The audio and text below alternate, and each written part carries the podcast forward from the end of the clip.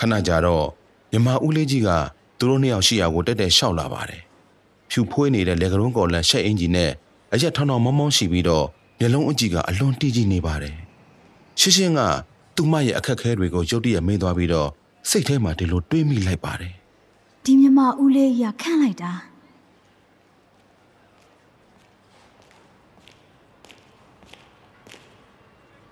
မင်္ဂလာပါကျွန်တော်နာမည်ထွန်းဦးပါကျွန်တော်အင်းရလိတ်ဟိုတယ်မန်နေဂျာပါဗျ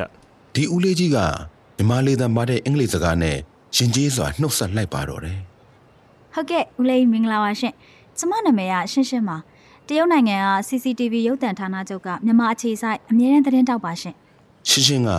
မြမစကားနဲ့သူ့ကိုယ်သူမဆက်လိုက်တော့မြမဦးလေးကြီးကတန်းအော်နဲ့ကြည့်ပြီးမြမစကားနဲ့ပြန်ဖြေလိုက်ပါတယ်ယောဂကာကွယ်ရေးဝန်ထမ်းကတော့သမီးကိုမြန်မာစကားပြောတတ်တယ်လို့ပြောလိုက်တယ်ဒါပေမဲ့ဒီလောက်ပြီးပြီးသားပြောနိုင်မယ်လို့မထင်ဘူးဗျာ ကျေးဇူးတင်ပါတယ်ရှင်ဦးလေးဟုတ်သူကတော့ရန်ကုန်အမျိုးသားစက်ရုံပြုပြင်မောမှန်ရေး project မှာမီးအလှဆင်မှုတာဝန်ယူထားတဲ့အင်ဂျင်နီယာပိုင်ကုန်းပါရှင်စင်မြင့်မီးလာစင်တဲ့အင်ဂျင်နီယာလားဦးလေးကြီးရဲ့မျက်လုံးထဲမှာအယောင်လက်သွားပါတယ်သမီးတို့မြန်မာပြည်ကကြိုးဆိုပါတယ်ဗျာရှင်းရှင်းကလည်းအလော်တကြီးနဲ့ပြန်မေးလိုက်ပါတယ်ဟုတ်လေကျမတို့ quarantine ဝင်ဖို့ဟိုတယ်ပြဿနာလေးဖြစ်သွားလို့အဲ့ဒါဦးလေးတို့ဟိုတယ်မှာကျမတို့သွားတဲလို့ရမလားရှင်အင်းခုနကသမီးတို့အရန်လုံးနေကြတာမြင်တော့ ယောဂကာကွယ်ရေးဝန်ထမ်းကိုကြိုးချောင်းမေးကြည့်ပြီးပြီဟုတ်သမီးတို့ရဲ့ပြည်ဝင်ခွင့်ဗီဇာအားလုံးပြည့်စုံတယ်သိလားစိတ်ပူစရာမလိုဘူးကွာရန်တင်းဝင်မှုဟိုတယ်ကိုတော့သူတို့လည်းအခုချက်ချင်းမဆုံးဖြတ်ပေးနိုင်ဘူးအဲ့ဒီတော့လေဟိုဦးလေးကျမတို့ကိုကူညီပေးလို့ရမလားရှင်အဲအဲ့ဒါကတော့ယောဂကာကွယ်ရေးဝန်ထမ်းရဲ့အထက်လူကြီးကိုဦးလေးမေးကြည့်ပေးမယ်နော်ဟုတ်ကဲ့ဒါပေမဲ့ကျန်တဲ့ခီးတယ်တို့ဦးလေးရှင်ရှင်းပြရအောင်မယ်ခီးတယ်တွေကကောင်းမှစောင့်နေတော့မယ်လေဦးလေးကြီးကပြောပြီးသွားတာနဲ့ခမအပြင်ဘက်ကို ထွက်သွားပါတော့တယ်ကြီးမားတဲ့မှန်တကားအတွင်းကနေဟိုတယ်အဲ့ဂျိုကားကြီးတစ်ခုပေါ်ကိုဦးလေးကြီးတက်သွားတာကိုမြင်တွေ့လိုက်ရပါတယ်ဦးလေးကြီးကဧည့်သည်တွေကိုတစ်ခုခုရှင်းပြနေပြီးတော့ကားပေါ်ကဆင်းကဖုန်းဆက်နေပြန်ပါတယ်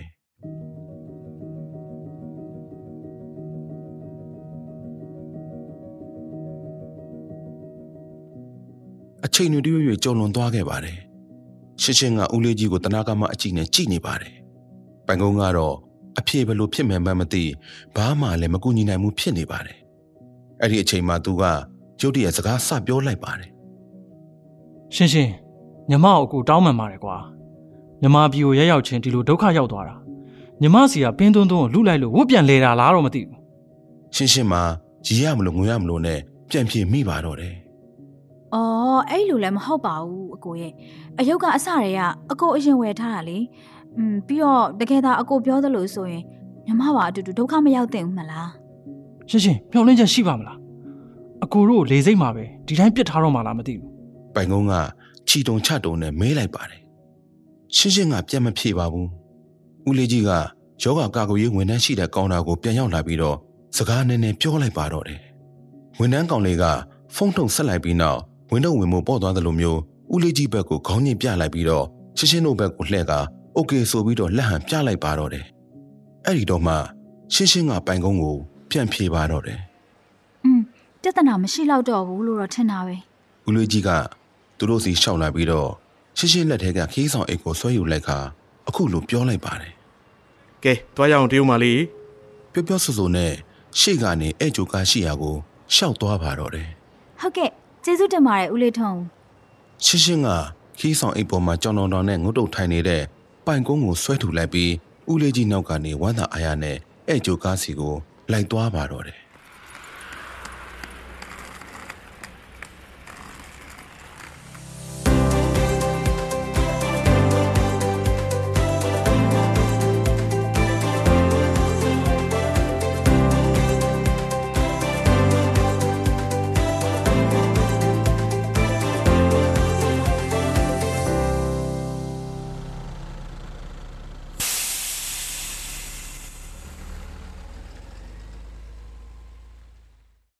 ညနေခင်းအင်အားလိတ်ဟိုတယ်တန်ရှင်းတက်ရက်တဲ့ဟိုတယ်အခန်းထဲမှာရှင်းရှင်းအောင်ဝီချက်ကနေသူ့အမေကိုအန်နီရဲ့ကင်းကြောင်လှမ်းပြောပြလိုက်ပါတယ်ပြီးတော့လုတ်ပေါ်ကင်ဘက်ကိုလည်းအကျိုးကြောင့်လှမ်းပြောထားပြီးမကြသေးခင်မှာဂရင်ကောင်းရင်ကဟန်ဖုန်းဟာဖုန်းခေါ်တန်မြည်လာပါတော့တယ်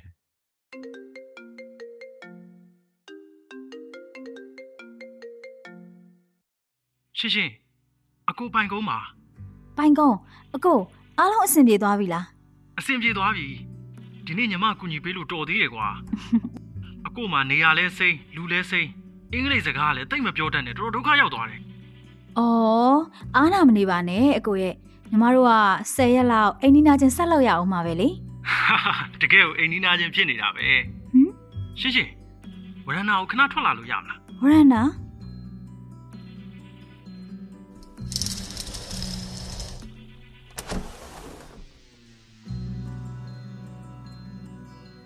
ရှင်းရှင်းကဖုန်းချလိုက်ပြီးလိုက်ကဆွဲဖွင့်လိုက်ကဗရန်နာတကားကိုတွန်းဖွင့်လိုက်တော့မက်ဆီရှေကရှုခင်းကိုအလွန်အံ့ဩမှင့်သက်သွားခဲ့ပါတယ်တိုက်အောက်ကကျယ်ဝန်းတဲ့မြက်ခင်းပြင်ရဲ့အစုံမှာစီးစာနေရောင်အောက်ကအင်းရကန်ရဲ့ကန်ရည်ဘေးမှာတန်းစီနေတဲ့အုံးမင်တွေကညနေခင်းလေပြင်းနဲ့အတူရိမ့်နွယ်နေပြီးတော့ရှေ့လျားတဲ့အုံးမင်အရိပ်က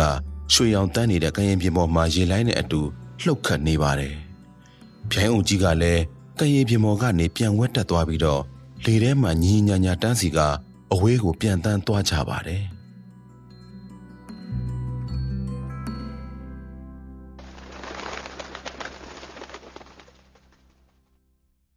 ဒီဟိုတယ်ရဲ့ရှုခင်ကအရန်လှလွန်တယ်ရှင်းရှင်းကနောက်လှည့်ကြည့်လိုက်တော့ဘေးကငါဝရဏပေါ်မှာပိုင်ကုန်းကစိန်ကြကြနဲ့ကျင်းကလထိုင်ပေါ်မှာထိုင်ပြီးရေကန်အလှကိုရှုစားနေပါတယ် အော်ညီမသိပြီအကိုခုနကတော့ဟိုတယ်လော်ဘီထဲမှာဟိုတယ်ဝန်ထမ်းကိုလက်ဟန်ချေဟန်နဲ့ပြောပြီးတော့ညီမဝိုင်းတဲ့ပေးမှာကိုပေးမတဲ့တာအဲ့ဒါညီမဘေးခန်းမှာနေဖို့အတွက်အကိုကစီစဉ်နေတာ哦 ရှင်းရှင်းကပြုံးပြီးပိုင်ကုန်းကိုကြည့်လိုက်ပါတယ် ဟုတ်တယ်လေအကိုတို့နီးနီးကက်ကက်နေတော့အပြန်အလှန်ကူညီလို့အဆင်ပြေတာပေါ့ อือဟွန်း ရှင်းရှင်းရဲ့အရာအလုံးကိုရိပ်မိနေတဲ့အကြည့်ကိုမြင်တော့ပိုင်ကုန်းဟာအာနာနာနဲ့အမှန်တိုင်းပြောလိုက်ပါတော့တယ် အမှန်ကတော့ကိစ္စတစ်ခုခုရှိရင်ညီမစီကအကူညီတောင်းလို့လွဲအောင်ပါဒီနေ့ကိစ္စမှာအကိုတေချာသိလိုက်ပြီလေညီမအရန်တော်တဲ့သတင်းတော့ဖြစ်တယ်လို့ညီမစကားလဲကျွမ်းတယ်လေ ညီမတို့ကတနိုင်ငံသေးသားတွေပဲအကိုရဲ့ကုညီပေးရမှာပေါ့နောက်ပြီးတော့ဒီနေ့မှသဘောကောင်းတဲ့ဦးလေးထွန်းဦးနဲ့တာမတွေ့ခင်ညီမတို့အခုချိန်ဒီလေးစိတ်ထဲမှာပဲစိတ်ပူနေရအောင်ပါ อืมဟုတ်တယ်နော် อืมလေရင်ပေါ်မှာတော့ကညီမပြောတာမှန်တယ်မလားကိုမြန်မာနိုင်ငံသားတွေကသဘောကောင်းပါတယ်လို့ သူတို့အားလုံးကဦးလေးထွန်းဦးလိုမျိုးပဲသဘောကောင်းပြီးတော့ဖော်ရွေကြတယ်ကိုရဲ့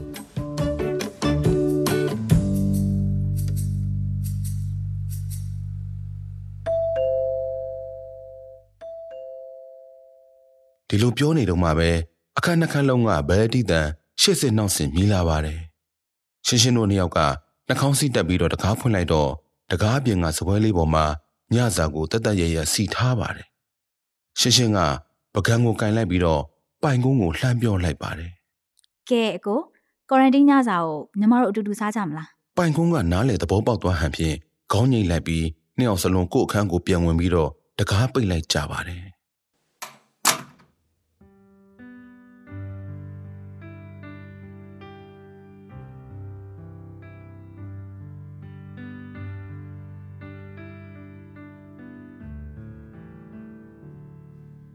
ဘေကျင်းကက်လျက်ဝန္ဒနာပေါ်မှာပိုင်ကုန်းနဲ့ရှင်းရှင်းတို့ဟာစကားတွေပြောရင်းနဲ့နိုင်ငံခြားကိုရောက်ပြီးပထမဆုံးညစာကိုအတူတူစားသုံးနေကြပါတယ်။နောက်ဆုံးစီးစာနေအောင်ကရွှေရောင်တန်းတွေရဲ့တိမ်လာတွေအနောက်မှာတဖြည်းဖြည်းပျောက်ကွယ်သွားပြီးကောင်းကင်နဲ့ကမ်းရည်ပြင်ပေါ်မှာညနေဆောင်အလင်းရောင်နဲ့နီနီမြန်းမြန်းဖြစ်နေပါတယ်။ကမ်းရည်ပြင်မှာလည်းအုံးမင်အရိပ်တွေနဲ့အလှဆင်ထားပါတယ်။အိတ်တန်းဝင်တာနောက်ကျတဲ့ငှက်ကလေးတစ်ကောင်က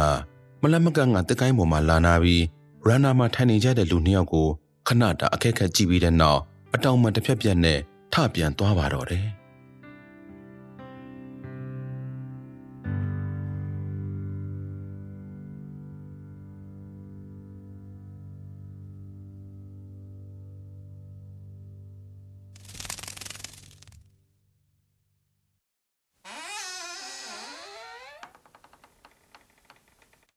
ညတကောင်မှာ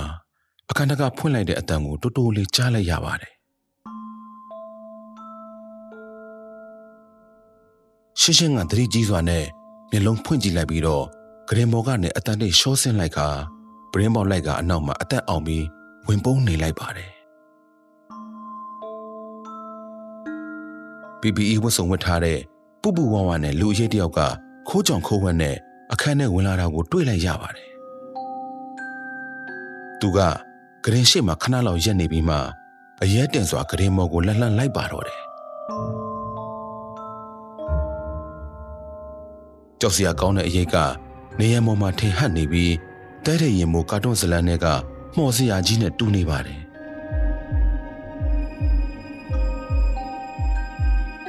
လာရောင်ကဖြူဖွေးနေတဲ့အဲ့ရခင်ပေါ်မှာအလင်းကျနေပြီးတော့ဂရင်မော်ကခေါင်းနောက်တစ်လုံးပေါ်မှာတော့ချစ်စရာကောင်းတဲ့ ပန္နာဝဝင်ရုပ်ကလေးရှိနေပါတယ်။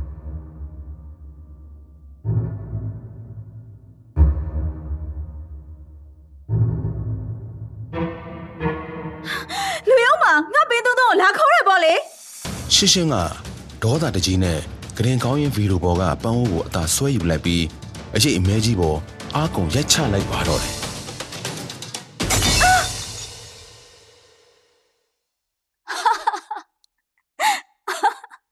ရှင်းရှင်းရုပ်တရက်လက်နိုးသွားပါတယ်လက်စသက်တော့အိမ်မက်ဖြစ်နေတာကိုဒါပေမဲ့သူ့ရဲတမ်းမထွက်လာပါဘူးလေเจ้าမှမီးလောင်နေသလိုနာကျင်နေတာကြောင့်နှစ်ဖူးကိုလက်နဲ့ဆန်းကြည့်လိုက်ရာရင်ထဲမှာထိတ်ခနဲ့ဖြစ်သွားပါတော့တယ် ဟမ်ဟမ်သွားပြီငါတော့အဖျားတက်နေပြီ နောက်တစ်နေ့မနက်ခင်း ရှင်းရှင်းဘာမှစိတ်မပူနဲ့တ ရုတ်ပြည်မှာကာကွယ်ဆေးနှစ်ကြိမ်ထိုးပြီးပြီဆိုရင်ကူးစက်နိုင်ကြီးကအရန်နေတယ်ပြီးတော့မနေ့တုန်းကအကိုတို့တလန်းလုံးအတူတူရှိနေကြတာပဲလေအကိုကြတော့ဘာမှမဖြစ်ဘူးညီမအတာမန်အေးမိဖျားနာတာပဲဖြစ်မှာပါကိုကကိုအတွေးလွန်ပြီးကြောက်နေအောင်မယ်ရှင်းရှင်းကစောင်းကိုခြုံထားပြီးနှစ်ချက်တက်ထားရင်စိတ်တွေရှုပ်နေပါတယ်ဟွန်းဒီပိုင်ကုန်းကတော့လူကိုလုံးဝမနစ်သိမ့်ပေးတတ်ဘူးအကိုကြတော့ဘာမှမဖြစ်ဘူးတဲ့ဟုတ်လားအဲ့တော့ငါကန်ဆိုးတယ်ပေါ့လေ ပင်းသုံးသုံးလည်းမရခဲ့ဘူးအခုမှမြမပြည်ရောက်ရုံပဲရှိသေးတာကိုဗစ်တန်တရားရှိလူနာဖြစ်နေပြန်ပြီ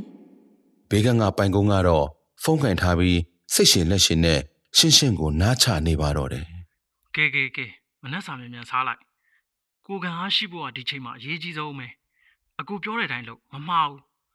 နေ့လေကြရင်လည်းသူ့ဘက်ကစစ်ရအောင်မယ်ပြီးတော့မနှက်ပြန်ဆိုအဖြေကသိရပြီ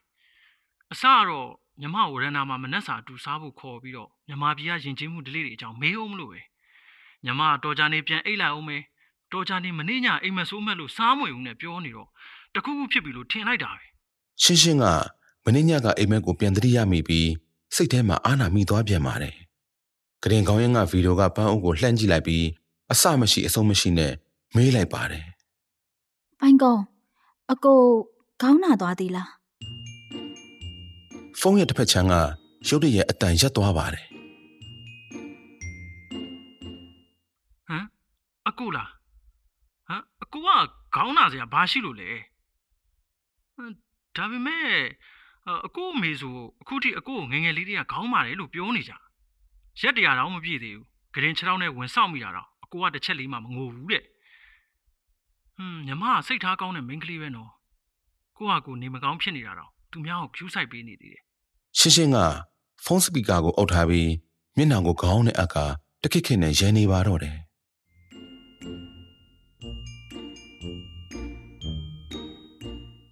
ပိုင်ကုန်းကတော့ဘာမှသိပုံမရဘဲနဲ့ဆက်ပြောနေပါတယ်အကုတ်မိန်းမလျံဝါချင်းဝင်ဆေးဘူးတွေထည့်ပေးလိုက်တယ်။ဟိုတရုတ်တိုင်းရင်ဆေးလေ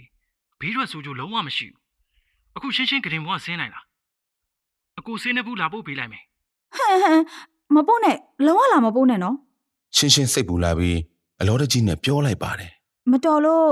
ညီမကကိုဗစ်ဖြစ်နေတာတေးကြရဲဆိုရင် အကိုကိုပါကူးသွားမှာစိုးလို့။ဟောအဲ့ဒါဆိုညီမအခန်းပြင်ဘက်မှာအကူချထားခဲ့မယ်။မြန်မြန်တောက်လိုက်အောင်။တရက်ကို၃ချိန်တော့တစ်ချိန်ကို၄လုံးတောက်ရမှာ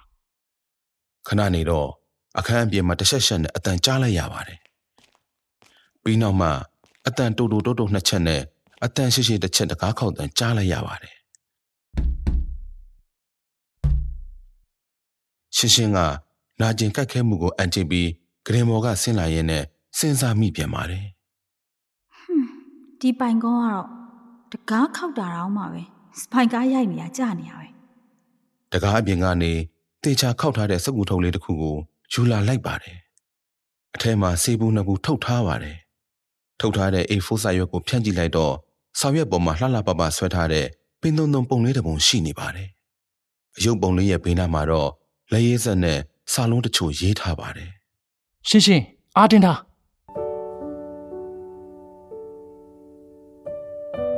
သူမရဲ့စိတ်ထဲမှာနှွေးထွေးကျင်နာမှုကိုခံစားလိုက်ရပါတယ်အမေမီးအလှဆန်တဲ့အင်ဂျင်နီယာဆိုတော့အမှုပညာဆန်ဆန်လှုပ်တတ်တာပဲဆွဲထားတဲ့လက်ရလေးကမစိုးဘူးစေဘူးတွေကိုကရင်ကောင်းရဲ့မှာတင်ထားလိုက်ပြီးတော့စောင့်ချုံပြန်အိတ်လိုက်ပါတော့တယ်ခဏနေတော့တစ်ခုခုကိုပြန်တတိရသွားပြီးတော့စောင်းထဲကထွက်လာပြီးကရင်ကောင်းရင်ကပန်းအိုးကိုဗီဒီယိုအန်ဆွဲတဲ့ထည့်ထားလိုက်ပါတော့တယ်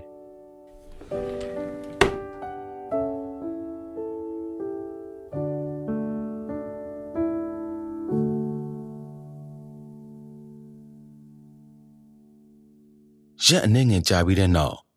စိုးရင်ရတဲ့ကွာတင်းကာလကိုနောက်ဆုံးတော့ကြော်ဖြတ်သွားနိုင်ခဲ့ပါပြီ။ရှင်းရှင်းကဖျားသွားတာကြောင့်သူများတွေတဲ့တိုးဘက်စစ်ဆေးမှုတစ်ချိန်ပို့လုပ်ခဲ့ပေမဲ့အဖြေကတော့ negative ပဲထွက်ခဲ့ပါတယ်။ဒီဆက်ကြားမှာဦးလေးထုံဦးကဖုန်းဆက်ပြီးတော့မှတရင်မေးမြန်းခဲ့ပါတယ်။ဟိုတယ်ဝန်ထမ်းတွေကိုသူမအတွက်တတိဖြိုရည်နေတိုင်းပို့ဝေဖို့ဂရုတစိုက်နဲ့မှာခဲ့ပါသေးတယ်။ဒီနေ့တောက်ရမယ့်ဖြိုရည်ကပြည်မနာမျိုးကမင်းကုန်တီ မနှက်ဖြန်ကမော်လမြိုင်ကျွဲကောတီအကုန်လုံးကအပူကျစေမဲ့တစ်သီးတွေပေါ့ပိုင်ကုန်းကလည်းရှင်းရှင်းနဲ့အတူမြန်မာပြည်ရဲ့တစ်သီးပွဲတော်ကိုစားခဲ့ရပါသေးတယ်စိတ်ဆက်တဲ့ဦးလေးထွန်းဦးကပိုင်ကုန်းအတွက်ပါတယောက်စာပိုးပြင်ဆင်ပေးခဲ့ပါတယ်နှစ်ရက်ပဲကြာလိုက်ပါတယ်ရှင်းရှင်းကအဖျားကျသွားပြီးတော့လေချောင်းလည်းမနာတော့ပါဘူးခွာတင်ပြီးသွားတဲ့အချိန်မှာရှင်းရှင်းကပိုင်ကုန်းနဲ့ဝရနာမှာထမင်းစားကြပြန်ပါတယ်ဒီတော့မှပိုင်ကုန်းရဲ့အိမ်မက်စိတ်ကူက တနေ့နေ့မှာကနဝင်တွင်မဲ့အကြီးစားစင်မြင့်မီးလာစင်မှုဒီဇိုင်းကိုကိုယ်ပိုင်ရွတ်ဆက်နိုင်မှုဖြစ်မှန်းရှင်းရှင်းသိခဲ့ရပါတော့တယ်။ပိုင်ကုန်းကလည်းရှင်းရှင်းကိုပန္နာဝက်ဝင်အသေးဆွဲဆိုတာသိသွားခဲ့ပြီးတော့ဂုံယူခွင့်ကြွားစာနဲ့သူကစီချွန်နေတာလို့ထုတ်ပြောခဲ့ပါသေးတယ်။သူကပန္နာဝက်ဝင်တွေနဲ့တနေသေးသားဖြစ်တဲ့အပြင်အကိုဝမ်းခွက်တယောက်က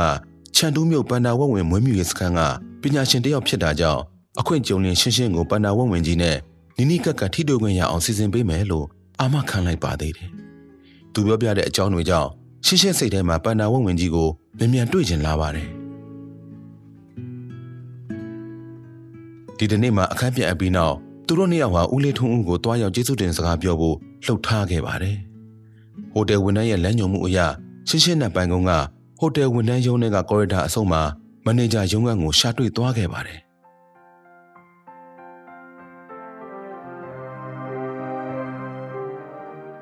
သူတို့နှစ်ယောက်တကားခောက်ဖို့ပြင်းနေချိန်မှာ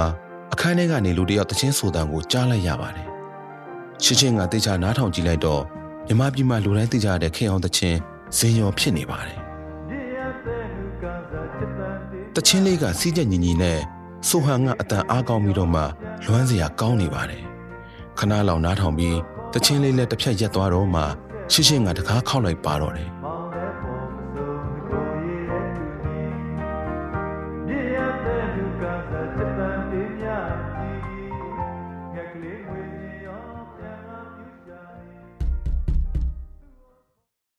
ဝင်ခဲ့ပါ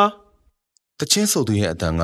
ခုနလိုမျိုးနူးညံ့သိမ်မွေ့နေတာမဟုတ်တော့ဘဲနဲ့တီကြီးလေးနဲ့တဲ့အတန်ပြောင်းသွားပါတယ်။တကားတွန်းဖွင့်လိုက်တော့ဦးလေးထွန်းဦးကရုံးစပွဲအနောက်မှာဝန်ထမ်းအငယ်တွေအလုပ်ကိစ္စလာတင်ပြတာကိုနားထောင်မှုစောင့်နေတဲ့ပုံစံနဲ့ထိုင်နေပါတယ်။ရှင်းရှင်းနဲ့ပိုင်ကုန်းကိုမြင်တော့မှမျက်နှာအမူအရာပြောင်းသွားခဲ့ပါတယ်ကျုံမလေးသမီးတို့ကွာရတင်းပြီးသွားပြီလားဟုတ်တယ်ဦးလေးရဲ့အဲ့ဒါကြောင့်မလို့ပိုင်ကုန်းနဲ့ကျမဦးလေးကိုကျေးဇူးတင်ကြောင်းလာပြောတာ တရုတ်လူမျိုးတွေရဲ့ဒလိကဘယ်လိုလဲတော့မသိဘူးကွဥတို့မြန်မာတွေကတော့တငယ်ချင်းမိတ်ဆွေချင်းချင်းကျေးဇူးတင်စကားပြောဖို့မလိုဘူးကွ။ဦးလေးကြီးပြောတဲ့စကားကိုရှင်းရှင်းကဘာသာပြန်ပေးလိုက်တော့မှပိုင်ကုန်းကလက်မထောင်ပြီးခေါင်းတကျင်းချင်းနဲ့ပြောပါတော့တယ်အတူတူပဲအတူတူပဲကျွန်တော်တို့တရုတ်လူမျိုးတွေလည်းအဲ့လိုပဲဗျ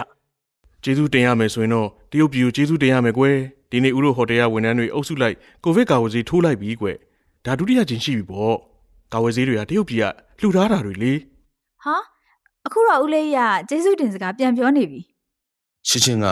ဦးလေးကြီးရဲ့ဟာကွက်ကိုဖမ်းမိလိုက်တယ်လို့ပြောလိုက်ပါတယ်ကိုဗစ်ဖြစ်တဲ့နောက်ပိုင်းမှာဥတို့ဟိုတယ်ကဝန်ထမ်းတွေကမိသားစုဝင်တွေဆုံးရှုံးသွားတဲ့သူတွေရှိတယ်အခုတော့တရုတ်နိုင်ငံကကာဝေးဆေးရှိလာလို့တော်သေးတယ်မဟုတ်ရင်လူတွေဘယ်လောက်တောင်တက်ဆုံးရှုံးရအောင်မလဲမသိဘူး။သူတို့အားလုံးရုတ်တရက်စိတ်ညစ်စရာတွေတွေးမိသွားတော့ရှင်းရှင်းကစကားလမ်းကြောင်းလွှဲလိုက်ပါတယ်ဦးလေးဟိုခုနကတော့ကလေဦးလေးဆိုတဲ့တခြင်းကဇင်ရော်လာရင် ဟဟိုနားထောင်လို့တိတ်ကောင်းတာပဲသိလားဒီသချင်းကိုသမီးကသိတယ်လားဦးလေးထွန်းဦးကအနှဲငယ်ရှက်သွားပါတယ်တခါတလေကြာအလုပ်ဖြစ်စည်းမှုတွေများလာတော့သူ့လိုလိုစုံမိသွားတာပဲကွယ်ဒါကိုတိုက်တိုက်ဆိုင်ဆိုင်နဲ့သမီးတို့ကကြားသွားတာပြောပြောဆိုဆိုနဲ့ရုံးစပွဲပေါ်ကခေါင်းပေါင်းကိုစာရွက်စာတမ်းပုံအနောက်တွန်းပို့လိုက်ပါတယ်ဟာကြည့်စမ်းမအောင်ရုံငန်းထဲမှာလဲတချင်းဆိုလို့ရတဲ့တူရိယာပစ္စည်းစုံလင်နေပါလား ဦးလေးရတော်တော်လေးအမှုပညာစံတာပဲရှင်းရှင်းကစိတ်ထဲမှာကြိတ်ပြောနေမိပါတယ်နေရမော်ကအရင်ခေတ်တုန်းကရိုက်ထားတဲ့ဓာတ်ပုံဟောင်းကိုကြည့်လိုက်တော့မြန်မာဝတ်စုံဝတ်ထားတဲ့လူငယ်အချို့ကစင်ပေါ်မှာဖြောပြနေတဲ့ပုံကိုမြင်လိုက်ရပါတယ်တေးဂီတာဝိုင်းထဲမှာလျှက်စစ်ဂီတာဘေ့စ်ဂီတာစတဲ့အနောက်တိုင်းတူရိယာတွေရှိသလိုမြန်မာဆောင်းနဲ့ဆိုင်းဝိုင်းအစရှိတဲ့မြန်မာရိုးရာတူရိယာတွေလည်းရှိနေပါတယ်ဦးလေးဟိုဒါကဘယ်တီဝိုင်းအဖွဲ့လဲ ဒါကမြန်မာပြည်မန္တလေးမြို့ရဲ့ဟိုရင်တော့မြို့မာတီဝိုင်လေမျိုးဆက်30လောက်လက်ဆင့်ကမ်းမွေပေးခဲ့တာပေါ့အခုဆိုရင်နှစ်ပေါင်း80လောက်တောင်တက်တန်းရှိပြီအော်တဲ့ဟုတ်ပါလားဒါဆိုဦးလေးရသူတို့ရဲ့ပြိသက်လားဦးလေးထွန်းဦးကဓာတ်ပုံဘေးကိုရှောက်သွားပြီးတော့တီဝိုင်းလေကမိုက်ခရိုဖုန်းကင်ထားတဲ့အရက်ရှိရှိနဲ့အဆိုတော်ကိုလက်ညှိုးထုတ်ပြပြီးအခုလိုပြောလိုက်ပါတယ်ပင်နိုင်စုတော်ကဥရဲ့ဖေလေအော် ဒါကြောင့်ဦးလေးရဒီလောက်အဆိုကောင်းနေတာ哦ပိုင်ကုန်းနဲ့ရှင်းရှင်းကဓာတ်ပုံကိုတေချာကြည့်လိုက်တော့ဦးလေးကြီးရဲ့ခန့်ညားတဲ့မျက်နှာကတီဝိုင်းနဲ့ကအဆိုတော်နဲ့တပုံစံနဲ့ဖြစ်နေတာကိုမြင်လိုက်ရပါတယ်ဥရုမိသားစုမှာမောင်နှမ6ယောက်ရှိတယ်ဥကအငယ်ဆုံးပေါ့ဦးလေးကြီးကမှန်ပေါင်ကိုပုတ်တက်လိုက်ပါတယ်ဥငယ်တော့ကစကားမပြောခင်ရွှေတွေကအဖေကဥကိုတချင်းဆိုတင်ပေးခဲ့တာသမီးရဲ့ဥကြည့်လိုက်ရင်လဲလူကြိုက်များတယ်ဆိုတော့ဖြစ်အောင်လို့လေဒါပေမဲ့နောက်ကြတော့ မျောလင့်ထားတာနဲ့တခြားစီဖြစ်သွားတော့တာပဲအခုဥကအသက်60ပြည့်တော့မယ်လေအခုထိတော့ဖေရဲ့ဆန္ဒကိုမဖြစ်စည်းပေးနိုင်သေးဘူးပေါ့อืมဦးလေးဖြစ်ချင်တဲ့ဆန္ဒရောရှင်းရှင်းကဦးလေးကြီးကိုမေးလိုက်ပါတယ်ဥလားဥကအမြဲတမ်းစိတ်ထဲရှိတဲ့အတိုင်းနေတဲ့သူလေဘာလုပ်ချင်လဲလုပ်ချင်တာကိုလုပ်တယ်တက်ကတူပွဲရပြီးတော့အစိုးရဝန်ထမ်းလုပ်ဖူးတယ်နောက်တော့လှုပ်ထွက်ပြီးတော့တင်မောသားလုပ်ခဲ့ဘူးတယ်နိုင်ငံတွေအများကြီးသွားခဲ့တာပေါ့ မြန်မာပြည်ပြန်ပြီးတော့အိမ်အောင်ကြတော့စားတောင်ဆိုင်လေးဖွင့်ပြီးတော့တက်နစ်ဆရာလုပ်ခဲ့ဘူးတယ်အခုတော့အောင်မြင်တဲ့ဟိုတယ်မန်နေဂျာတယောက်လို့ပြောရမှာပေါ့ကွယ်ဦးလေးရဲ့ဘဝအတွေ့အကြုံကတင်များတာပဲရှင်းရှင်းကစိတ်ထဲရှိတဲ့အတိုင်းချီးမွမ်းလိုက်ပါတယ်အဖေရဲ့ဆန္ဒကိုမဖြစ်စည်းပေးနိုင်ခဲ့တာကိုဦးမြေရန်စိတ်မကောင်းဖြစ်ခဲ့ရတာဒီတစ်လျှောက်လုံးစင်ပေါ်မှာတချင်းတက်ဆိုဖို့အခွင့်အရေးတစ်ခုမျှော်လင့်ခဲ့တာလေတချင်းတစ်ပုတ်ပဲဆိုရဆိုရပေါ့ကွယ်အဖေဆန္ဒလည်းပြေဝသွားသလိုဦးလည်းတောင်းဝင်ကြည်သွားတာပေါ့ ဒါပေမဲ့အခုတော့ဒီဆန္ဒပြေဝဖို့ကခက်သွားပြီလေပိုင်ကုန်းကရှင်းရှင်းစကားပြန်မေးတာကိုနားထောင်ပြီးတော့ဦးလေးထွန်းဦးကိုကြည့်ကအလေးအနက်ပြောလိုက်ပါတယ်လူတိုင်းမှာကိုမလုံနိုင်တော့ဘူးလို့ထင်ရတဲ့အိမ်မက်တွေရှိတယ်ကျွန်တော်မနေ့တုန်းကရှင်းရှင်းကိုပြောခဲ့မိပါသေးတယ်ကျွန်တော်အိမ်မက်ကဂန်နဝင်တွင်မဲ့စင်မြင့်မီးအလှဆင်မှုဒီဇိုင်းကိုကိုယ်တိုင်ရေးဆွဲခြင်းတယ်ဒါကတာမန်စတိတ်ရှိုးမီးအလှဆင်ဆရာတွေအတွက်တော့အိမ်မက်တစ်ခုသာသာပဲဖြစ်သွားလိမ့်မယ်ထင်တယ်ဒါပေမဲ့ အရေးကြီးဆုံးကအလွယ်တကူဇွဲမလျှော့ဘူးပဲကံကောင်းတာကကျွန်တော်အသက်40မပြည့်သေးဘူးပိုင်ကုန်းတစ်ယောက်ပြောညင်ရတွေရှောက်ပြောနေတာကိုရှင်းရှင်းကစကားဝင်ဖြတ်လိုက်ပါတယ်အိမ်မက်အကောင့်ထဲဖော်နိုင်မလားဆိုတာအသက်အရွယ်နဲ့မဆိုင်ပါဘူးကျမဆိုရင်လည်းအိမ်မက်တွေအများကြီးပဲနံပါတ်1အိမ်မက်ကပန်တာဝဝန်စစ်စစ်ကိုတစ်ခေါက်လောက်ဖတ်ထားချင်တာရှင်ဟိုပိုင်ကုန်းညီမကိုဂတိပေးထားတဲ့ကိစ္စအကိုဂတိတီးရမယ်နော်ပိုင်ကုန်းကလည်း သူစကားမှားသွားတာကိုသိလိုက်ပါတယ်ကံကောင်းကျင်တော့ရှင်းရှင်းကသူပြောတဲ့စကားကိုဘာသာမပြန်ပေးလိုက်ပါဘူးအဲဒါကြောင့်မြန်မြန်ခေါင်းညင်ပြီးပြန်ဖြေလိုက်ပါတယ် อืมတီမာပေါ့အကိုအကိုဝမ်းခွဲတယောက်ရှိတယ်သူတို့အဖွဲ့မှာပန်နာဝုံဝင်ကြီး၄၅កောင်လောက်ရှိတယ်တရုတ်ပြည်ကိုညီမပြန်ရောက်တာနဲ့သူ့ကိုအကိုစီစဉ်ခိုင်းလိုက်မယ် ဦးလေးကြီးကတရုတ်နိုင်ငံသားနှစ်ယောက်သူတို့ဘာသာစကားပြောနေတာကိုကြည့်ပြီးခက်ပြုံးပြုံးနဲ့လက်ဖက်ရည်နှစ်ခွက်ကိုငှက်ပေးလိုက်ပြီးတော့အခုလိုပြောလိုက်ပါတယ်